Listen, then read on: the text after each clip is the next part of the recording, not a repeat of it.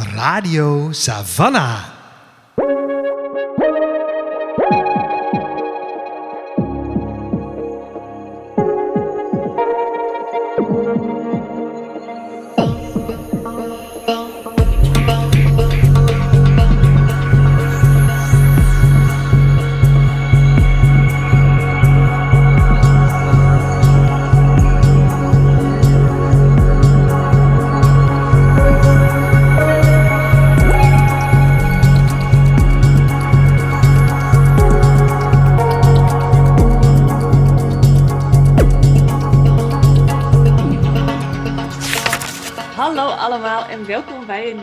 Aflevering van Radio Savannah, de podcast van Boekhandel Savannah B. Ik ben Suzanne.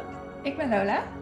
En ehm, Boekhandel Savannah B is een onafhankelijke boekhandel in het centrum van Utrecht. Wij zijn gespecialiseerd in feministische literatuur.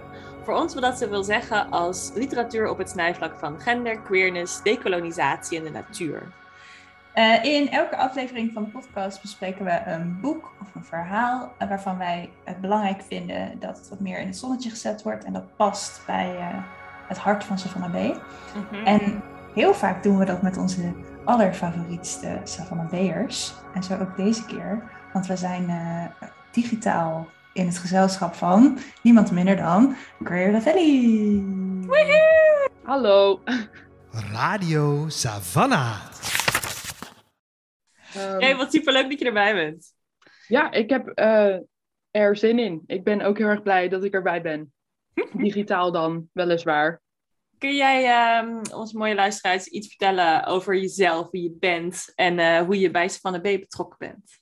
Eh, ja, past. Ik denk dat ik dat wel kan. Ja, ik ben Gray. Ehm, pronouns die diens. Of hen, hun. Maakt me niet zo heel veel uit.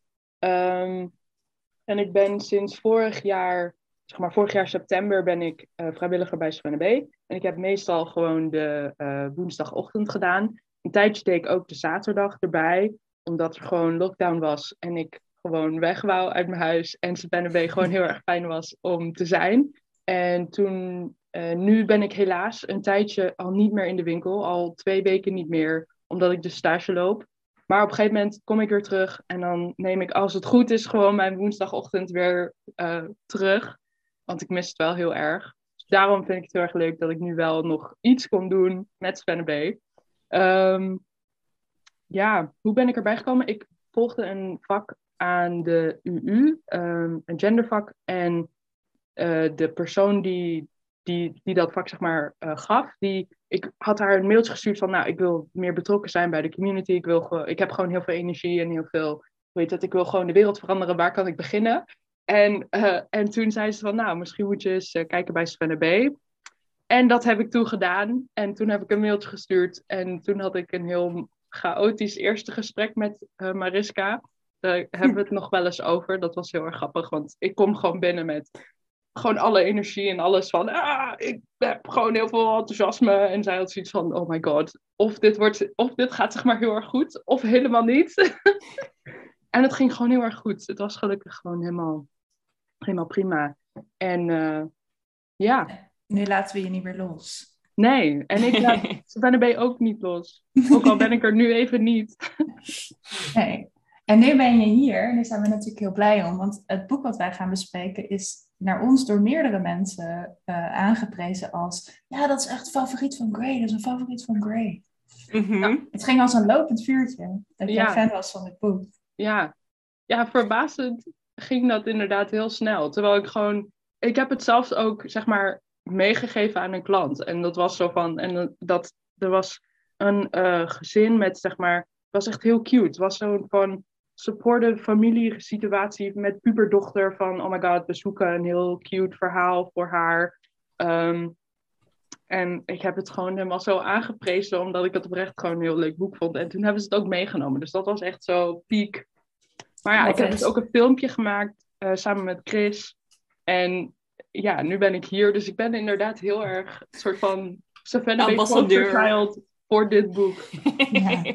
En het Ja. boek, eh lief luisteraar, is nogal goed om te weten, is eh, het tweede boek van Casey McQuiston. Mhm. De laatste halte in het Nederlands en One Last Stop in het Engels. En dat is uitgekomen in 2021. Eh, ja, inderdaad. En eh, vertaald door Erika Disco, met een prachtige naam. Wauw. Eh, en in het Nederlands uitgekomen bij uitgeverij Zomer en Keuning. Volgens mij telt als haar vorige boek. En speaking of haar vorige boek, dat was Rood, Wit en Koningsblauw. Wat we ook in deze podcast hebben besproken vorig jaar. Linkje zetten we er even bij in de show notes. Maar nu is het dus de beurt aan de, de laatste halte. Yes. Casey eh, McQuiston is een Amerikaanse auteur van eh, ja, romance novels.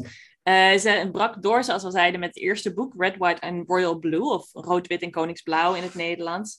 Ehm, ze, heeft, ze komt uit het, het diepe zuiden van de Verenigde Staten. Ze heeft gestudeerd aan de Louisiana State University. En dat lijntje met Louisiana en New Orleans in bijzonder komt ook in dit boek terug. Uh, op haar eigen auteurspagina stelt ze zich als volgt voor. Dat vind ik zo cute, dat ga ik gewoon even voorlezen. Hi, I'm Casey. I live at the intersection of fun, escapist romantic adventure and smart-mouthed characters with bad manners and big hearts. Dus dat geeft een beetje een indruk van het soort van stijl, schrijfstijl, een soort van wereld die uh, Casey McQuiston uh, oproept. Dus het eerste boek, Red, White and Royal Blue, is uh, heel goed ontvangen. Is eigenlijk een, een veel groter succes geworden dan werd verwacht. Er was niet een hele grote PR-campagne die erachter zat. Er was niet gelijk allemaal filmrechten die werden opgekocht. Het is echt een soort word of mouth um, die dit boek zo groot hebben gemaakt. Uh, en er is dus ook rijkhalsend uitgekeken naar dit tweede boek, De Laatste Halte. En uh, nou, dat bleek terecht, want het is weer een groot succes. Ja, we volgen in uh, de laatste halte volgen we August. Een nou ja, early 20-something die verhuist naar New York. Waar ze terechtkomt in een appartement. Waar ze natuurlijk veel te veel huur moet betalen. En met allemaal huisgenoten moet wonen om, om zich te kunnen redden in New York. En um, zij is eigenlijk een heel afstandelijk personage die ze heel erg uh, mensen niet snel dichtbij laat komen en ook zoiets heeft van ik, dat hoeft ook allemaal niet voor mij en ik, ik een hele stevige panzer om zichzelf heen. Mm. En dat verandert eigenlijk als ze onderweg naar de universiteit uh, met de metro gaat, de Q, lijn Q. Uh, ik moet zeggen dat ik echt geen idee heb van waar tot waar dat ding gaat, maar hij wordt heel belangrijk. en in, uh, terwijl ze in de metro zit, ontmoet ze Jane. Echt, die wordt echt beschreven als de hotste persoon ooit. En uh, zij leren elkaar kennen, raken bevriend, uh, krijgen een crush op elkaar. Maar er is iets met Jane. Jane is een beetje een um, ja, mysterieus figuur. En nu kijk ik jullie aan hoe ver ik moet gaan met deze spoiler en deze, deze samenvatting. Maar er, er, is een, er hangt een mysterie om Jane heen. Ja, volgens mij kunnen we wel vertellen, toch? Maar dat komt al best wel snel. Die ja, maar dat staat ook op de achterkant. Dat zij... Uh... Oh. Mij wordt het op de achterkant al verteld dat zij vastzit. Oh, oké. Okay. Top. Nou goed. Oké, okay. het mysterie van Jane. Ik zal het niet... uh, we komen er namelijk achter dat Jane uh, vastzit op de metro. En dat zij uh, getijdreist of getijdzoomd heeft uh, vanuit de jaren 70 naar nu 2020 speelt het boek zich af. Nou, dat is natuurlijk best wel raar. En August heeft, een, uh, die heeft ervaring met het oplossen van mysteries en die gaat eigenlijk met Jane aan de slag om erachter te komen wat er gebeurd is, uh, wie Jane eigenlijk is, want dat weet ze. Dus ze heeft daar ook geheugenverlies. En uh, ook hoe ze Jane van die metro kan zetten. Want zij zit dus in een soort van eindeloze loop al 40, 50 jaar in die stomme metro.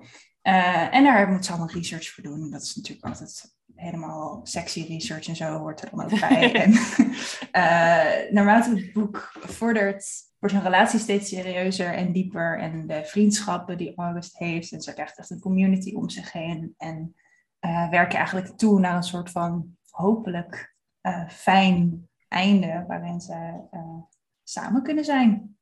Dat lijkt heel lang heel onmogelijk. Ja, het is wel spannend inderdaad. Volgens mij is er wel een goede teaser om mee te eindigen. Ik besef nu pas net, volgens mij, dat zij... Tuurlijk zit zij vast op de Q-line, zeg maar, voor queer. Oh. Er zijn andere letters, maar tuurlijk, tuurlijk zit zij op de Q.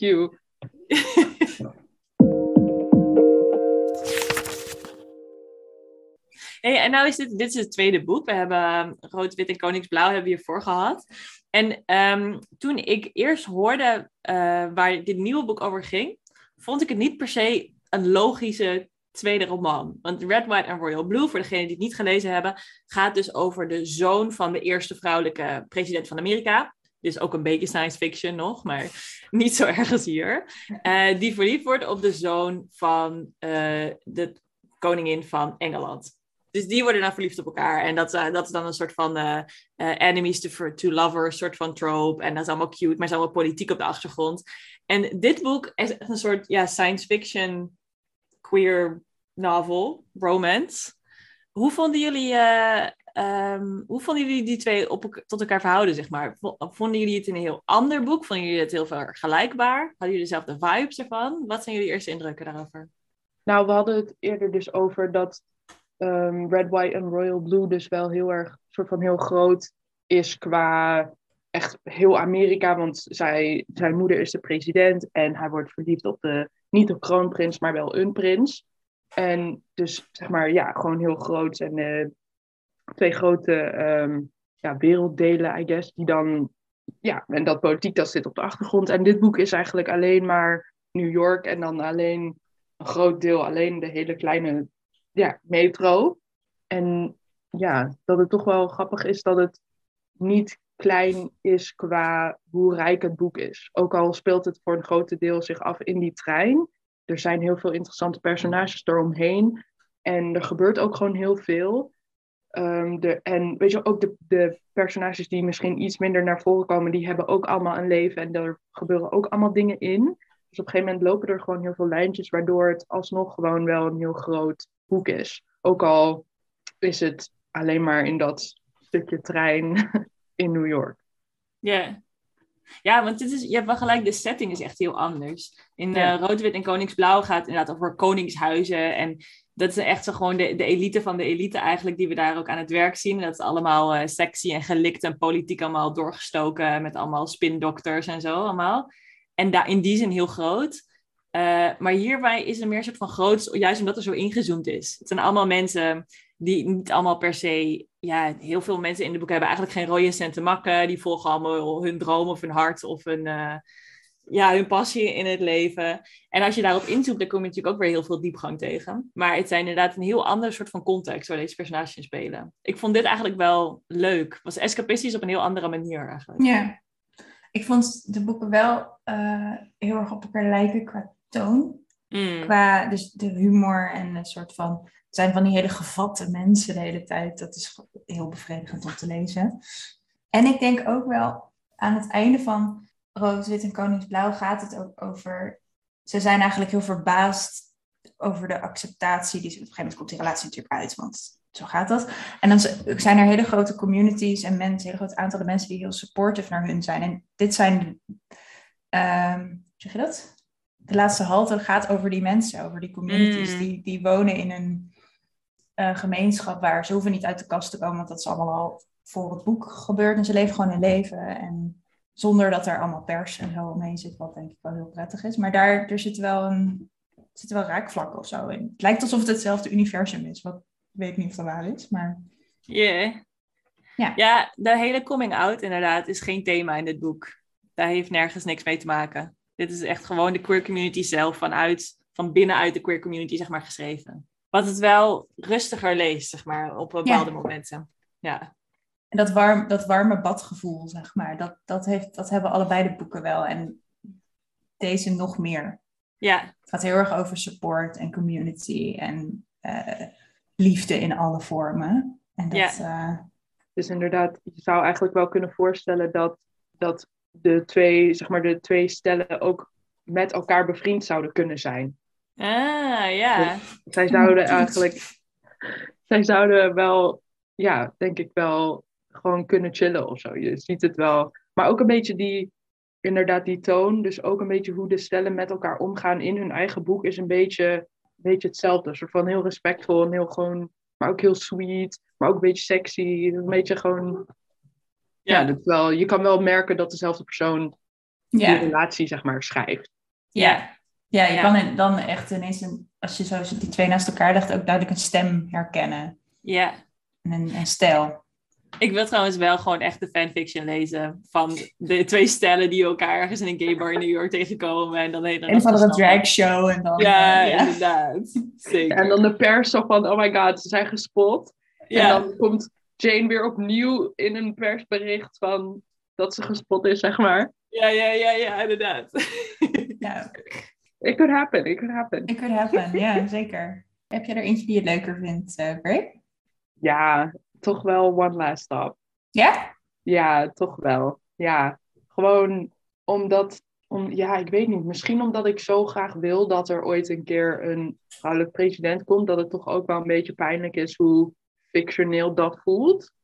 En het was One Last Stop is, dat kan natuurlijk helemaal niet gebeuren. Dus dan is dat iets meer. En ook gewoon Jane. Gewoon Jane is gewoon, ja, gewoon cool. Ik wil gewoon Jane zijn. Ik wil ook gewoon, weet je wel, white t-shirt, leather jacket. Gewoon, let's fight some people. Gewoon, ja. Ja. Dus ik denk dat het daardoor wel, ja, wel One Last Stop is. Ja, want inderdaad, als het gaat over romance novels, en twee romance novels. En deze romance novel is voor mij ook wel gewoon heel geslaagd, omdat ik echt zo'n crush kreeg op Jane. En volgens mij, iedereen die dit boek leest, het kan niet anders. Ze is zo hot, het is echt... Oh. Ja, als het over escapisme gaat, inderdaad. Ja, Ja. Het, want ze, dus, dus Jane, voor ehm, de mensen die het boek nog niet hebben gelezen. Jane leeft dus in de metro, zit vast in de metro. En die wordt vanuit gelijk het begin al voorgesteld als eh, mooi zwart haar, een leren jack, een wit t-shirt met de mouwen opgerold, een jeans Tatoeages. tatoeages. Ze is altijd een beetje zo nonchalant aan het leunen tegen een paal en is um, literatuur aan het lezen. En als ze dat niet aan het doen is, dan is ze wel iemand een knipoog aan het geven of een klein kindje aan het helpen of grapjes aan het maken met de oude mevrouw die naast haar zit. En, dus ze is zo soort van picture perfect. Ja, Ja, want je leest, je leest het hele verhaal door, door het perspectief van August, die natuurlijk een dikke vette crush op Jane heeft het hele boek lang. Eh, en er zit dus een soort mediaberichten of online posts of dat soort dingen over Jane bij ieder hoofdstuk. Dus van die soort van eh, gespot in de trein-achtige berichten van allemaal mensen die, die dan in eh, 2005 zeggen, oh mijn god, ik zou echt zo knappe vrouwen. En Ja, echt zo'n misconnection-achtig. Ja, precies. trein, We hadden oogcontact. Ja, dus je ziet gewoon iedereen 40 jaar lang kwijlen over Jane. En dat is wel echt heel effectief. Ja, en wat er natuurlijk de mooie romance twist is, is dat Jane die leeft dus eigenlijk in een constante eh, limbo-fase totdat ze August ontmoet. En omdat zij en August zo connected zijn in een soul, of ik weet niet, dat ze zulke soulmates zijn, is August zeg maar de sleutel waardoor Jane ook weer zich dingen kan gaan herinneren. En ehm, ja, dat moet natuurlijk ook weer op een sexy manier gebeuren. En daar hebben Ja. ze allemaal mooie, mooie trucjes voor gevonden om dat uit te leggen. Ja, die ook nog werken. Dat vond ik dan wel weer heel grappig. Zo van, op een gegeven moment... Oké, ik ga het gewoon zeggen. Ze, moet, ze gaan een soort van Jane's zoenen die ze heeft gehad met andere vrouwen... gaan ze reenacten in de hoop dat ze dan zich iets herinnert... en dat ze dan weet van waar ze toen was of zo. Dat is natuurlijk heel grappig. En heel dom. Maar het werkt ook nog. Ze krijgt ook Ja. daadwerkelijk nog de herinneringen terug. Dus het is en sexy en verwarrend en romantisch... En het he- draagt bij aan het oplossen van het mysterie. Ja, Maar het, het grappigste nog wel daaraan is dat zeg maar. August is echt zo'n useless lesbian dat ze zo zit van. Ik weet trouwens niet, volgens mij is het bi, maar Ja, cis B. Ja. Ja, maar even zeg maar die useless bisexual dan. Dat ze zeggen, oh, dit is, dit is voor research. Oh, ik heb geen gevoelens hoor. Ik ga alleen deze compleet aantrekkelijke, zeg maar, gewoon seksbom elke keer zoenen. Ik En ben, ik dan, ben heel rationeel en ik heb geen ja, gevoelens. ik heb heel graag heel gewoon voor research. Ik ben gewoon, we're, we're just gals being pals. Echt zo, tuurlijk word jij verliefd. Wij weten dat allemaal. Wij lezen dat met jou mee. Obviously. Maar dat is zeg maar ook gewoon leuk aan. Dat zij denkt van... Zij zegt van nee, nee, nee, ik word niet verliefd. En wij weten allemaal, ja, ja, ja, dat word je wel. je bent het al. Ja. ja. Get in Ja. line. Ja. En haar vrienden weten dit ook. Iedereen weet dit. Het is echt Ja. heel grappig. Ja. Maar wat vinden jullie van hun romance samen? Zeg maar, los nog van Jane zelf, Jane en August samen. Hoe vinden jullie die werken? Ja, gewoon heel cute. Gewoon, ik bedoel, ze hebben natuurlijk ze hebben op een gegeven moment ook wel een beetje ruzie en op een gegeven moment geen contact. En dan komen ze weer bij elkaar. Dus het is niet alleen maar de hele tijd, oh, sexy stud on the train. En ze zijn verliefd en dat is het, weet je wel. En ze huppelen in de sunset of zo. Het is, de, ze hebben ook gewoon een beetje struggles. En ze zijn ook gewoon echt oprecht ook personages. Ze zijn echt mensen en dan komen ze ook nog samen. Maar tegelijkertijd hebben ze ook gewoon een hele leuke invloed op elkaar. Zeg maar, je ziet Jane ook dus inderdaad steeds soort van echter voelen en steeds meer grounded in het moment, in tijd, wat natuurlijk waar ze soort van in die limbo zit. En August heeft inderdaad dat panzer wat dan ook door haar vrienden, maar ook door Jane, soort van, ja, ze komt echt gewoon uit haar schulp. En dat is wel gewoon heel mooi. En ik denk dat dat ook wel een goede relatie is. Dat je elkaar, dat je groeit ook samen. Door elkaar. Ja, ja, cute. Ja, je ziet dat ze elkaar aanvullen en dat is leuk. Ja. Ja. En ze En- hebben gewoon steamy seks in, in de metro. En dat is gewoon wat je wil. Dat is gewoon wat je wil. Ja, Ja, en aan de ene kant wel. En aan de andere kant wordt er ook zoveel aandacht besteed aan hoe het daar altijd stinkt naar pis en naar uh, bamen die over de grond gevallen. Dus je moet het wel een beetje willing zijn om dat soort dingen uit je hoofd te zetten in bepaalde scènes. Maar Ja. ja. Ja. Ja, dat is waar. ik vond ze een geloofwaardig stel. Ja, en want Lola, jij hebt natuurlijk je romance leesclubje. Zeker. Dus jij hebt heel wat eh romances al beoordeeld. Ja. On een scale van eh 0 tot 10, hoe zit het zo ongeveer, hoe zit deze romance voor jou? Oh, deze zit wel hoog. Want wat er vaak gebeurt in een romance als het niet een goede is, is dat er heel veel personages zijn. En dat ik dan niet meer weet wie wie is en dat ik ze eigenlijk allemaal irritant vind. Hmm. En omdat het te weinig over het stel gaat. Hmm. En dit was een hele goede balans daartussen. Zo, want die mensen eromheen zijn niet alleen maar namen of de bakker of zo. Ze hadden allemaal in meer of mindere mate, maar wel een backstory en een, en een persoonlijkheid. Mhm. Dus dat vond ik heel goed. Maar ja, we hadden ook heel veel tijd met August en Jane samen. Ja, Ik vond de balans heel goed. En wat hier specifiek goed aan werkte, was dat het verhaal alleen vanuit August perspectief verteld werd. Vaak in een romance novel heb je dan dat ze om het hoofdstuk van perspectief wisselen, wat ook effectief kan zijn. Ehm, maar doordat het hier zo gefocust was, en doordat Jane geen memories had, dus die moest ook wel alles vertellen en zo, dat, dat werkte heel goed. Dus ik was, Ja. eh, ja, ik was impressed. nice. Ja. En wat we, wat we doen bij de Romance Leesclub, is dat we onszelf afvragen met wie zouden we op date gaan in Ja. dit boek. Iedereen. Echt iedereen. Sowieso allereerst Forever met Jane, maar ook met al die andere mensen. Ja, Dus dan is het wel een goed boek. Er is rond eh, Jane en August is er een hele eh, groep personages nog die we ook leren kennen. Ehm, een aantal daarvan zijn de nieuwe huisgenoten van August. Dus de mensen bij wie ze intrekt eh, toen ze in Brooklyn kan wonen. Dat zijn drie huisgenootjes, waarvan twee een stelletje vormen. En onder hun woont nog ehm, een drag queen die ook bevriend raakt met het gezelschap. Dat is één groep mensen die we leren kennen. En daarnaast leren we nog eh, de mensen kennen met wie eh, August werkt. Ze krijgt een baantje in een pancake house. eh, en daar is er een groep, ook een soort van lovable rejects, die daar met z'n allen familie vormen, waar ze al heel snel ehm, ja, een heel fijn, warm plekje in inneemt. Hebben jullie in die twee soort van groepen om haar heen bepaalde lievelingspersonages of mensen waar jullie het meest naartoe trokken? Sowieso de drag queen. Gewoon omdat, gewoon, ja, ik wil ook gewoon een onderbuurpersoon die dan gewoon, weet je wel, no bullshit, die gewoon, ja, die gewoon een drag queen is. Dat, dat is gewoon de droom. Maar ehm, ook Nico, ehm, want hij is trans, dus like, obviously. Maar dat, dat, was, dat vond ik dus ook heel sterk aan, dat, dat zeg maar soort van duidelijk wordt in het verhaal. Maar het is niet een coming out, of het, hij heeft geen moeilijkheden in zijn leven doordat hij trans is. Hij zit in een hele liefdevolle relatie. Hij, eh, weet je wel, hij heeft ook andere leuke dingen aan zich. Dus het gaat, hij is gewoon een, een volledig personage. Ook al is hij een, een side character en weet je wel, gaat het eigenlijk over August. Toch krijgt hij wel aandacht en gaat het niet over, oh hij is trans, maar meer hij is een persoon.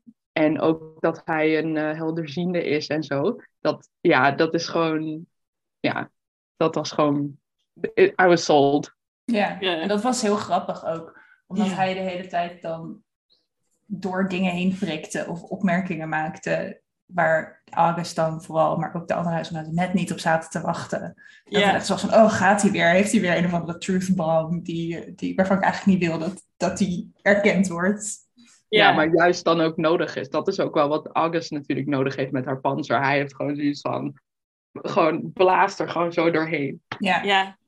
En dat is wel een leuk contrast, want, hij, uh, want als ze net soort van op sollicitatie komt, of uh, om te gaan kijken of ze daar kan gaan wonen, dan is een van de eerste dingen die hij ook zegt dat hij helderziend is.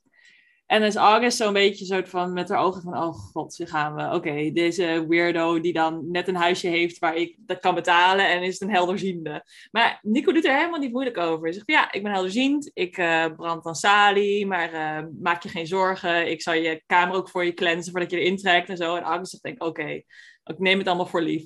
Maar dat zijn juist de meest endearing uh, kanten eigenlijk van Nico inderdaad. Die is daar zo geen enkele moeite mee. En niemand in die hele groep heeft daar zo moeite mee. Zegt, ja, Nico is helderziend, top. Ja, het is een beetje irritant af en toe, maar we nemen, we, nemen het niet, niet serieus of zo. Nee. Of, of, we doen er niet lacherig over. Nee. Over het concept aan zich. Nee, en het zorgde heel erg dat telkens als Nico uh, aan woord kwam, dat ik heel graag wilde weten wat hij zou gaan zeggen omdat ik dacht, Nico zegt altijd goede shit. En altijd vanuit een andere perspectief, een andere hoek dan, dan alle andere personages. Ja, ik vond maar dat is, leuk. dat is inderdaad ook, hij heeft ook gewoon gelijk. Dus hij kan gewoon zeggen, ja, dat ben ik.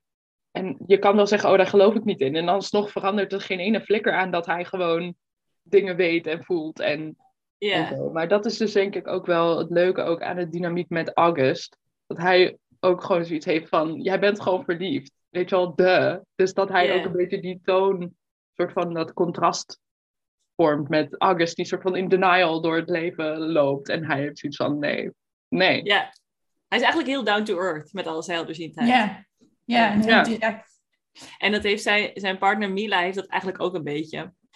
Dus Mila, die is echt een beetje, ja, niet echt de moeder van de groep, maar een beetje de moeder van de groep. Die ook zonder enige judgment ziet dat er verschillende soorten mensen in haar soort van found family zitten. En dat allemaal waardeert voor, voor wat iedereen inbrengt. Er is een heel cute moment als ze erachter komt dat August best wel een lastige re- relatie heeft met haar moeder. En dan zegt Mila zegt zoiets van: Oké, prima, ik ben nu je moeder. Eh, dit is je bedtijd en eh, geen Tarantino-films kijken. dat is een heel cute moment. Ik vind haar ook een heel leuk, leuke functie heeft zij in die, in die vriendengroep. Ja. Ze zijn allemaal heel leuk. De Ja. laatste huisgenoten, want ik denk wel, die zijn wel allemaal net wat meer uitgewerkt dan de collega's en zo. Is eh, Wes, en dat is een soort depri tattoo artiest. Met echt een dikke vette crush op Isaiah slash Annie the Present, de drag queen. Ehm, de, de, dus de onderbuur. En Wes heeft wel een leuke functie, omdat hij eigenlijk hetzelfde doet als August, maar dan anders. En daardoor, hij zegt ook, ja, ik heb wel gevoelens, maar dat kan allemaal niet, want het is allemaal ingewikkeld. En ja, mm, nee, ik ga deze relatie niet aan. En daardoor ziet August ook hoe zonde dat is en hoeveel je laat liggen en hoeveel eh, hij zichzelf in de weg ziet eigenlijk, terwijl er een heel, hele mooie situatie en relatie voor het oprapen ligt. Ja, En daar, dat zet haar ook wel in beweging. Dat ze denkt, oh ja, wacht, maar dit, dit wil ik niet zijn. Want dit slaat eigenlijk nergens op. Want het slaat ook nergens op, want ze vinden elkaar leuk. Het is niet een soort unrequited love of zo. Wat ik wel leuk vind ook aan het hele, deze hele soort van familie die ze hier opbouwt, is dat het is eigenlijk. Ik vind het heel leuk om het zo expliciet eh, gethematiseerd te zien. Dus het is echt voor een heel groot deel een boek ook over deze nieuwe familie waar ze in komt. En er zit wel ook eenzelfde soort escapisme in, ergens, net als in de romance. Het is wel echt super makkelijk. Dus Ja. Je ziet ergens een aanpakbiljet, ze gaat erheen en die mensen zeggen, oké, nu ben je onze zus, nu ben je onze dochter, je bent in ons leven, we gaan je overal mee naartoe nemen. Maar dat is wel precies de, de fantasie eigenlijk die, je ook, die we ook gewoon net zo hard verwarmend bijna is als de, zeg maar de romance de, die zich afspeelt in het boek.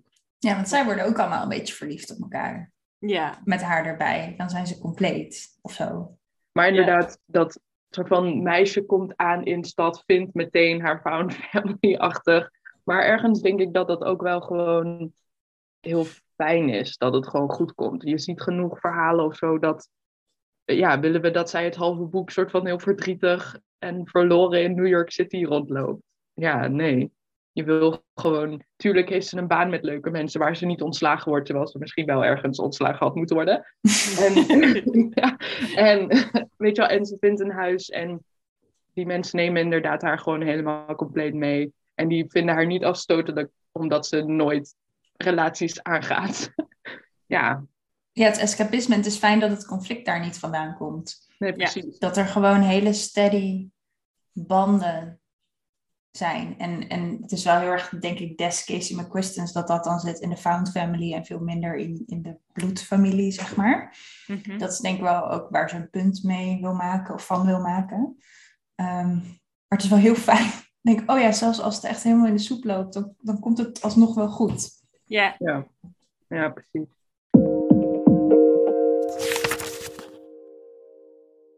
er is in dit boek, we hebben al heel vaak het woord escapistisch laten vallen en cute en schattig en lief en cozy en is heel erg wat het boek is. Maar er zit toch wel ook een eh, scherper randje aan het boek. En ik, ik vind het heel interessant hoe Casey McQuiston dat hierin heeft verwe- verweven. Dus we zeiden al, er zit een soort time travel element in. Jane zit vast in die metro. Ehm, en dat zit ze vast vanuit de jaren zeventig. En door dat, die soort van, ja, een beetje een gimmick eigenlijk, is er niet alleen spanning in het boek, maar komt er ook een link met eh, een gedeelte van, het, eh, van de queer geschiedenis, met name dan hier in de Verenigde Staten, in New York, wordt zeg maar in dit boek ingebracht. Ehm, en dat is, eh, deels maakt dat dus een spanning voor de plot, maar deels geeft het ook een soort eh, aanleiding om te praten over wat er in die tijd is gebeurd. En dat doet Casey McQuiston heel soort van speels en cute, maar zonder eh, te bagatelliseren wat er gebeurd is in de jaren zeventig en wat heel veel queers hebben meegemaakt in die tijd. En dat geeft wel een soort extra dimensie van diepte en een zwaarte. En het geeft het boek ook een soort ik weet niet of het echt een, een opvoedende functie is, maar ik denk dat Casey McQuiston veel heel jonge lezers heeft, veel jonge queer lezers heeft, die misschien niet altijd weten wat er in de decennia hiervoor is gebeurd, hoe kort geleden dat ook is. Ja, en ook misschien daar nog aan toevoegend hoe waardevol het is om wel een soort intergenerationeel gesprek te hebben met elkaar ook. Ja. Want dat moet wel tussen deze personages, dat kan niet anders. Ja, Ja, nee, inderdaad. Dat, dat er gewoon heel veel is gebeurd. En dat het toch niet zo lang geleden is, maar toch ook wel lang geleden. Maar dat je er inderdaad, ja, gewoon door hoe Jane is en hoe ze daarover vertelt, dat je erachter komt van, oh ja, want zij ervaart, zij is eigenlijk natuurlijk het perfecte personage om te ervaren hoe ver we zijn gekomen in 20, zeg maar, eh, in 2020 vergeleken met de jaren 70. Maar ook, weet je wel, August weet dan ook dat er natuurlijk nog wel veel verder te gaan is. En Jane snapt dat ook wel. Maar ja, weet je wel, de situatie was gewoon heel erg anders in de jaren zeventig. En dat komt dan naar voren in gewoon van die subtiele details. Dat ze dus han- handen, gewoon, weet je, je mag gewoon hand- handjes vasthouden en trouwen en dat soort dingen. En dat kon, in, ja, dat, dat, dat komt gewoon naar voren in hoe verbaasd Jane daar eigenlijk over is. En dat maakt gewoon heel duidelijk van, oh ja, weet je wel, kleine dingen die, die je als queer persoon misschien nu nog, ehm, of als wit queer persoon, en nu misschien nog gewoon aanneemt van, oh ja, dat kunnen wij wel doen. Ja, en je krijgt, duidelijk. je krijgt misschien een opmerking of een blik, maar Het is niet meer zo nadone als in de jaren zeventig. nee. Nee, en wat wel, want Jane is ook, was in de jaren zeventig ook echt iemand die op de barricade stond. En die bij protesten aanwezig was. En die echt vocht voor rechten en, en van haarzelf en, en de mensen om zich heen. Ook vanuit die hoek is het interessant voor haar wat er allemaal is gebeurd. En wat er verworven is, maar ook wat er verloren is gegaan en wat er eh, allemaal nog ligt aan eh, werk. ja. Alsof ze nog cooler moest kon zijn. Ja. Tuurlijk stond zij ook op de barricades en was zij gewoon, fighting for everyone's right. Tuurlijk. dat is ook wel een cute lijntje dat Jane dus in de jaren zeventig gevochten heeft voor die rechten. En omdat ze dus vast is geraakt en nu in 2020 is beland, dat ze ook de vruchten kan plukken eigenlijk van het werk dat ze toen verzet heeft en de strijd die ze toen geleverd heeft. Terwijl een heel cute soort van redemption momentje wat Casey haar geeft. Ja. Ja, eigenlijk ook een soort van een een soort van reward voordat ze ook natuurlijk heel veel mensen is verloren. Omdat ze uit de Mm. jaren zeventig is gekomen. Ze zit al zo lang vast. Al de mensen die ze toen kende zijn er niet meer. En ook in die periode zijn er natuurlijk ook gewoon mensen... Ja, mensen gingen gewoon dood. dat gebeurt. Maar ehm, ja, dat ze toch als soort van reward nieuwe connecties legt. En, maar toch ook wel weer ook nog oude connecties. Omdat natuurlijk heeft zij ook een connectie met ehm, de plek waar August ook werkt. Dus dat er soort van toch nog dingetjes liggen, connecties en zo. Ja, ja, ze is echt een verbinding tussen het verleden en het heden. Ja, Ja. en ze neemt Augusta daar dan ook weer aan mee. In het nawoord van het boek eh, schrijft Casey McQuiston ook over eh, haar soort van keuzes met dit boek en, en het hoe en wat. En een van de dingen waar ze met het boek op reageert is de barrier gaze trope. Dus dat eh, met name lesbische personages uiteindelijk altijd het loodje leggen. En dat is niet leuk, maar wel hoe het vaak is in, in alle, allerlei vormen van, eh, van media. En eh, Casey McQuiston zegt daarover dat dit verhaal een un unbury your gaze story is. Dus Jane is dan de girl who refused to stay buried. Die had allang begraven moeten zijn, maar weigerde. En dit verhaal weigert ook haar dat te laten zijn. En er zijn meer personages voor wie dat geldt, denk ik. Dus het is ook echt een, een, een reactie op een hele op een trope. Ja. Ja, Ook, het zit ook heel subtiel in het feit dat Isaiah eigenlijk eh, de, de drag queen, zeg maar, dat want vooral in Amerika worden drag queens van kleur of transvrouwen van kleur heel vaak, zeg maar, ehm, er is gewoon echt een soort pandemie met dat die vermoord worden. En er wordt niet evenredig naar onderzocht. En heel vaak worden ook hun deadnames in kranten en zo gebruikt. Dat is echt gewoon een heel ja, wezenlijk probleem. Het is gewoon heel gevaarlijk. Omdat ja, femininity in mensen gewoon gestraft wordt. Dat gebeurt ook met cisvrouwen. Maar laat staan als je dan dus geen cisvrouw bent. Ehm, en ook niet wit. En dat is soort van ook heel fijn dat er met Isaiah eigenlijk niks gebeurt. Hmm. Isaiah is gewoon royalty en hij loopt gewoon, weet je wel, en hij is gewoon heel fijn. Maar er gebeurt nooit, weet je wel, zijn ramen worden niet ingegooid. Hij wordt niet gearresteerd. Ehm, hij wordt niet lastiggevallen, ook niet in drag. Het wordt alleen maar heel erg celebratory beschreven. En ja, ik weet niet, ik kon dat wel waarderen. Ik vond dat wel heel fijn. Ja, ja ze, Casey heeft een heel mooie manier om eh, trauma wel, zeg maar, niet te negeren, maar om het niet ook de foreground te laten zijn of het leidmotief van dit boek. Ja, er is een heel Ja. mooie balans in. Maar toch komt het voort uit die dingen, zeg maar. Dat Ja. het toch respectvol is. Ja. Ja, Ja. ja, inderdaad.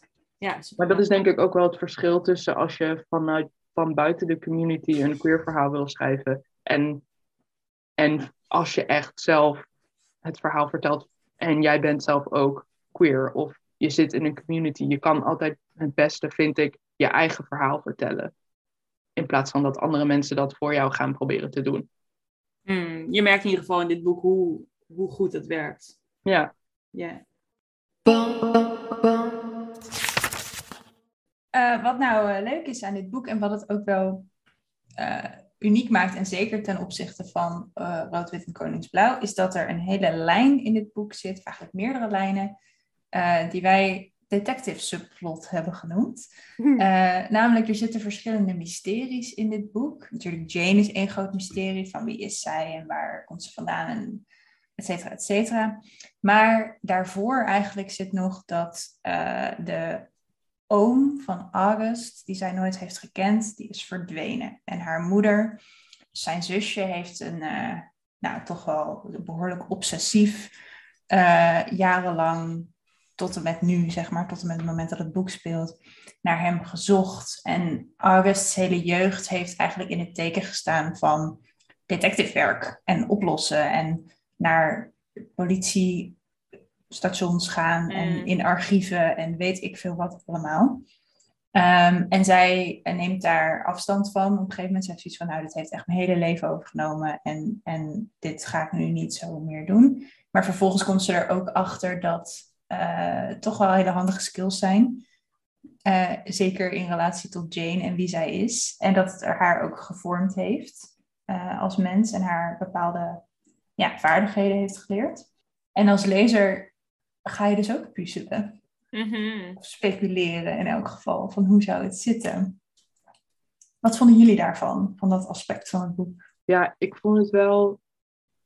Het voelde wel een beetje als een bijdingetje, omdat er gewoon heel veel gebeurde, ook met alle andere personages en natuurlijk de romance en dat ze Jane moeten redden en of in ieder geval ah, proberen uit die metro te halen, voelde het wel een beetje als, ja, je had het er ook uit kunnen laten, maar aan de andere kant, I'm not mad that, that it's there. Ik vond het ook wel heel erg leuk. En dat natuurlijk legt het ook wel een beetje uit waarom August is wie ze is. Omdat het Mm. gewoon wel heel erg, heel erg heeft gevormd. En het Ja. geeft haar dan ook natuurlijk weer precies die skills die Jane dan weer nodig heeft om allemaal informatie over zichzelf te verwerven. Ja, want ze Ehm. moeten eigenlijk Jane's soort van stappen traceren om erachter te kunnen komen wat er überhaupt met haar is gebeurd. Want ze is gewoon Ja. op een gegeven moment van, van de aarde verdwenen, zeg maar, en in die metro terechtgekomen en niemand snapt waarom. Dus daarom, Ja. is, daarom is al het detective werk heeft ook een soort van plotreden, zeg maar. Zo, ja. Want met alleen zoenen redden ze het niet. Daar komen ze wel Nee. achter. Het brengt ze ver, maar niet helemaal. Ja, ja, nu komt er dus wel een beetje een spoiler, maar dat ehm, ik vond dat wel, ik vond het toch wel leuk als je toch iemand hebt die in die tijd dat die oom soort van verdween leefde en je, kon, je kan opeens praten met iemand die toen er was en rondliep, vond ik het toch ook, het is natuurlijk heel erg toevallig, want Amerika is echt fucking groot en het gaat om twee mensen die natuurlijk dan elkaar hebben ontmoet, maar ik vind het toch wel leuk. Ik vond het toch wel leuk dat Jane ook hem kende en hem heeft gezien. En dat het daardoor ook weer, dat toch wel ook wel weer hielp met een stapje verder komen in dat mysterie van die oom. ja, de lijntjes worden wel echt aan elkaar eh, geknoopt, inderdaad. Ja. ja. ja, dat is natuurlijk ook wel een teken van een goede detective. Dat dingen nooit per ongeluk... Het, dat het niet per ongeluk is dat er twee mensen zijn verdwenen in de jaren zeventig. Dat die dan wel bij elkaar worden gebracht, inderdaad. Ik neem trouwens terug dat het toevallig is, want ze zijn natuurlijk allebei queer. En de queer mensen vinden elkaar natuurlijk wel. En het is New York, dus ik neem het terug. Het is niet toevallig. Het is gewoon, Het is Eh, volledig logisch. Het is totaal logisch. ja, Dit had iedereen over kunnen overkomen. Het zou gek zijn als het niet zo was geweest. ja precies. Ja, precies. Ja, ik vond, de, ik vond de detective subplot superleuk. Maar er is, ik ben gek op detectives. Ik heb het al vaker over gehad in de podcast. Zeker een beetje de old school detectives van... Oké, er is iemand verdwenen. En we hebben dan een soort van hardboiled detective figuur... die dan het hele leven eraan wijdt... om de steentjes boven tafel te krijgen. Ik vind het heerlijk. Ik, ik vind het niet per se heel logisch in het boek. De aansluiting... Ik zie de aansluiting wel en ik snap het wel, conceptueel gezien. Ik denk niet dat het helemaal mooi in elkaar is gevouwen. Uh, maar ik vergeef het gewoon omdat ik het gewoon spannend en leuk vind. En ik vind de oplossing mooi en wel toevoegen aan de thematiek en het, en het bericht zeg maar, van, dit, uh, van dit boek. Dus ik, uh, ik vergeef het van harte dat het erin zit. Het is wel ook, want het is dus een romcom en er zit een detective element in. Op een gegeven moment zit er nog een soort van heist in. Ik vind in die soort van, dat soort, die soort van eclectische mix van verschillende genres en... en stijlen vind ik het wel een leuk uh, ook. Ja. Yeah. Want daardoor is het logischer dat ze op een gegeven moment gaan heisten. En eh, gewoon eigenlijk ook pragmatisch gezien, gooi er maar lekker veel lijntjes in, want dan kan je hem lekker nog dikker maken en dan kunnen wij lekker blijven lezen. Dus ja. Casey, gooi het er allemaal maar in, het is prima. Kom maar 600 door. pagina's volgende keer. Sure. Ja, ja, western erin en... Uh, ja. Ja, ik ben nu teleurgesteld hè, als, het als het minder dik is dan deze. Maar aangezien deze ook echt net zo dik was ongeveer als Red, Ray, Red Way en Royal Blue, zit het volgens mij wel goed. Maar en inderdaad, dikker, denk gewoon nog meer. Ja, want deze is volgens mij wat dikker dan de eerste. En de volgende roman die uitkomt wordt een autobiografisch of semi-autobiografisch werk. Dus dat zijn altijd dikke boeken. Want mensen schrijven over zichzelf altijd meer dan over anderen. dus volgens mij gaan we dan de 500 wel aantikken. Nice. Helemaal leuk. Komt in uh, mei dit jaar uit, overigens, voor de mensen die het willen weten. Het, boek dat heet, het nieuwe boek heet I Kissed Shara Wheeler. Uh. En het wordt een YA romantic comedy. Ja. Helemaal leuk. Wij gaan hem ongetwijfeld lezen. Zeker ja. weten.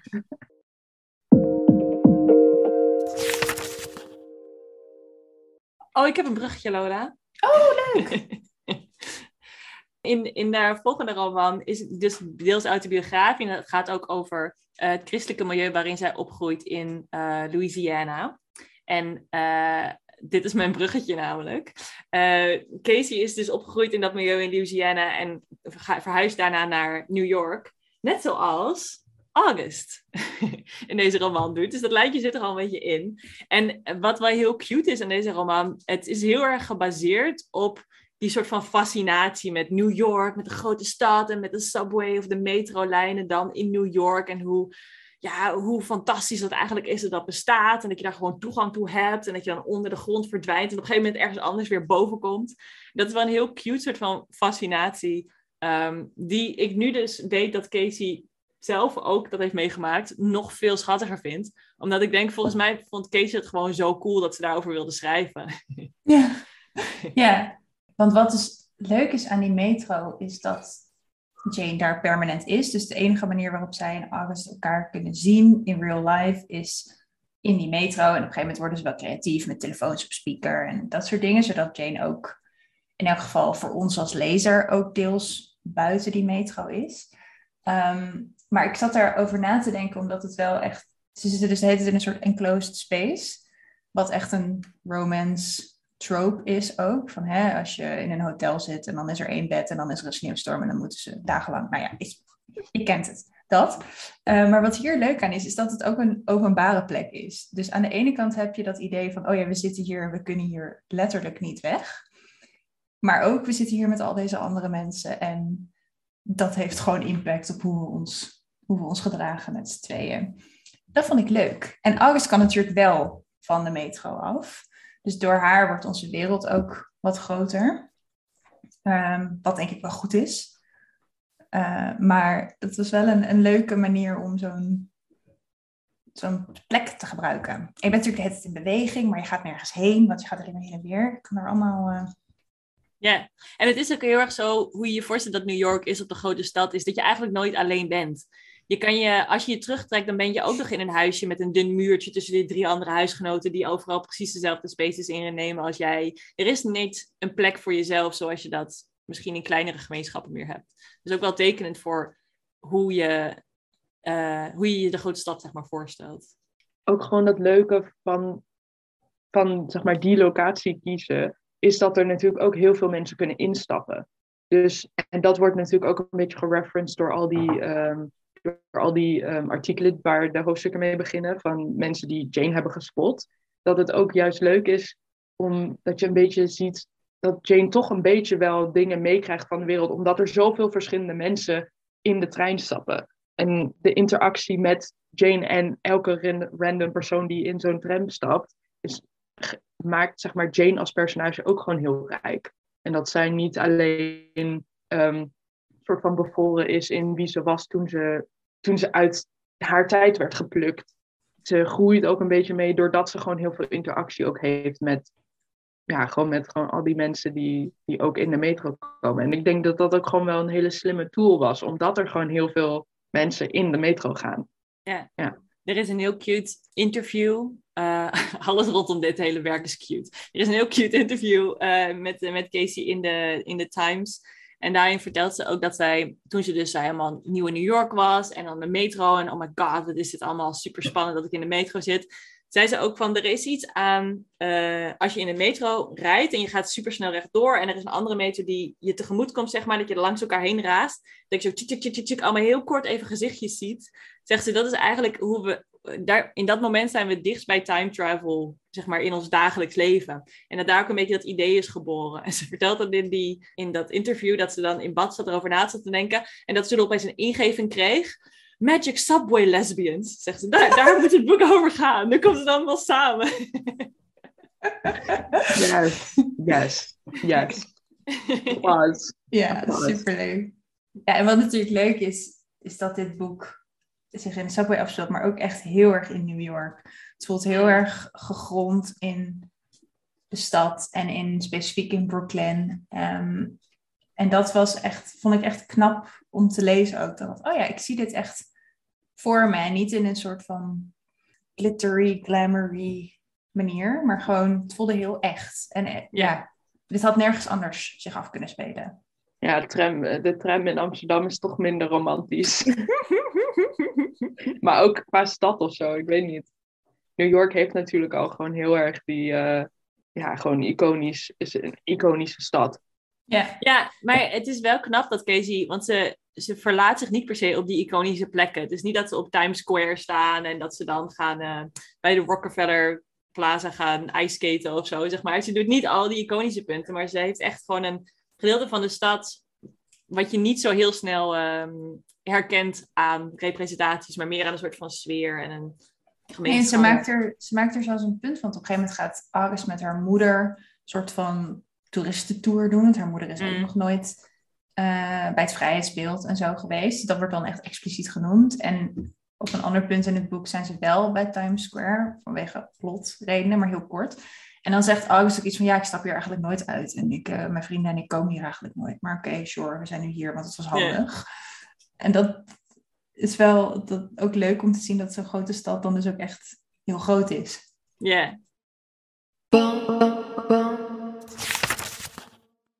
Zijn er bepaalde punten waar we nog over willen hebben? Nou, ik had nog een vraag aan jou, Gray. Of je een romance-lezer bent. Ah. Ehm, ik, ben ik heb wel ook in mijn bio van. eh, we moesten een bio schrijven van het bestuur eh, van de ehm, studievereniging. En, ehm, en daarin heb ik wel gezegd dat ik een fan ben van alle clichés, zolang het zeg maar dus queer is. Dus weet je wel, we hebben alles al, de notebook, dat hebben we allemaal al gezien. En die heb ik ook allemaal ehm, gezien. En dan natuurlijk allemaal, ja, weet je wel, wil je zwijmelen. Maar ik, ik zwijmel nog meer als het gewoon queer is. En ik ben heel erg fan van als er dus ook niet clichés en als er dus nieuwe verhalen en zo zijn. En ja, vorig jaar ook ben ik wel een beetje op zo'n. Ik had op een gegeven moment allemaal dingen opgespaard van Savannah B. Ik had op een gegeven moment iets van 70 euro aan boekenbonnen van Sa- Savannah B. En die heb ik gewoon in één keer uitgegeven. En volgens mij was het allemaal vier. Het was allemaal LHBTQ+. En het was allemaal YA-achtige romance dingen. Dus ja, ik ben er wel, ik ben er wel fan van. Ja, toch wel. Ik wou dat ik heel ruig was en zo, maar nee. Nee. Geef mij de magic, the magic time traveling lesbians en bisexuals en everything. Pansexuals, allemaal, allemaal goed. Heb je dan misschien nog mooie tips tussen al die boeken? Van als, eh, wat de mensen misschien leuk vinden om te lezen. Ehm, sowieso, ik ben nu ook bezig in het tweede boek van Aristotle en Dante. Mm. Dus ehm, de eerste vond ik heel erg leuk. Natuurlijk wel iets heftiger dan eh, One Last Stop. Iets minder feel good. Mm, Iets realistischer in de zin van iets meer ja, problemen toch ook wel. Maar gewoon, ja, je shipt het gewoon heel hard. En eh, het vervolg is ook gewoon, gaat daar een beetje in door. Aristotle en Dante dive into the waters of the world. Mhm. Ik weet even, even niet de Nederlandse vertaling, maar ook bij Savannah B eh, te verkrijgen. Ehm, de nieuwe van Jason Calendar, die eh, Felix Ever After heeft geschreven. Sowieso Felix Ever After is heel erg aan te raden. Die is gewoon heel erg leuk. Maar ook, eh, volgens mij is het King and the Dragonflies. The Passing Playbook is ook een leuke. En dat gaat dan over deze twee personages. En een daarvan is eh, een transjongen. En hij wil voetballen. Ehm, maar ja, dus het gaat ook een beetje over die issue van, rondom trans mensen en sport. En eh, je Hmm. geboorteakte, geboorteakte eh, laten veranderen in je naam en dat soort dingen. En hij ehm, heeft wel ook eh, supportive ouders. Dus hij heeft hormoonblokkers gekregen. Dus hij heeft ook een hele andere ontwikkeling van zijn lichaam. Dus ja, dus dat was ook gewoon wel een goede representatie van, oh ja, het kan natuurlijk ook zo gaan als je gewoon supportive parents hebt. Maar dan heb je een systeem die dan misschien niet meewerkt. Want sommige staten mag je dus je naam ook niet veranderen. En mag je ook, heb je gewoon niet de toegang om je birthmarker, zeg maar, te veranderen. Of je Hmm. seksmarker aan je birth certificate te veranderen. En ja, maar het is alsnog ook gewoon cute romance. Ehm, maar dan met trans pers- eh, personages. En dat vind ik ook wel belangrijk. Dat, eh, dat het niet alleen maar hele mooie cis mensen zijn die dan verliefd worden op elkaar. En ook niet allemaal wit. Dus eh, ja, The Passing Playbook. Nice. Very nice. Thanks. Thank you. Ja, no problem.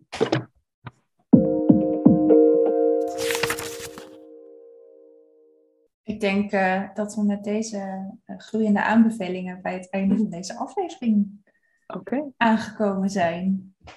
Eh, ik denk aller allerbelangrijkste, Gray, thank you for being here. Yay! No problem. Thank you for having me. Ik vond het heel erg leuk. Fijn, heb wij echt- ook. Heel erg de neiging om het boek gewoon weer opnieuw te lezen. Had ik al. En nu, heb ik gewoon- ja, nu dat we alle hele leuke dingen hebben besproken, heb ik zoiets van, oh ja, ik wil gewoon weer er terug in. Ik denk, ik denk dat het een teken is dat je dat nu dus moet gaan doen. Ja, Ja, en als je hem nou snel leest, dan kan je daarna gelijk misschien de nieuwe roman erachteraan pakken als die dan uitkomt. die gaan we meteen pakken bij Savannah Bay. Ik heb hier de, ik heb hier de boekenbon. We gaan hem gewoon doen. Nice. Ja, super bedankt dat je erbij was. Ehm, wie wij ook natuurlijk bedanken, zoals altijd, ehm, is Gooflux voor het maken van onze bumpers en intro's en outro melodietjes. En Rieke Blom voor het maken van ons logo. Heb je nou, eh, ben je nou ook zo'n grote fan van Casey? Heb je ook zo'n crush op Jane?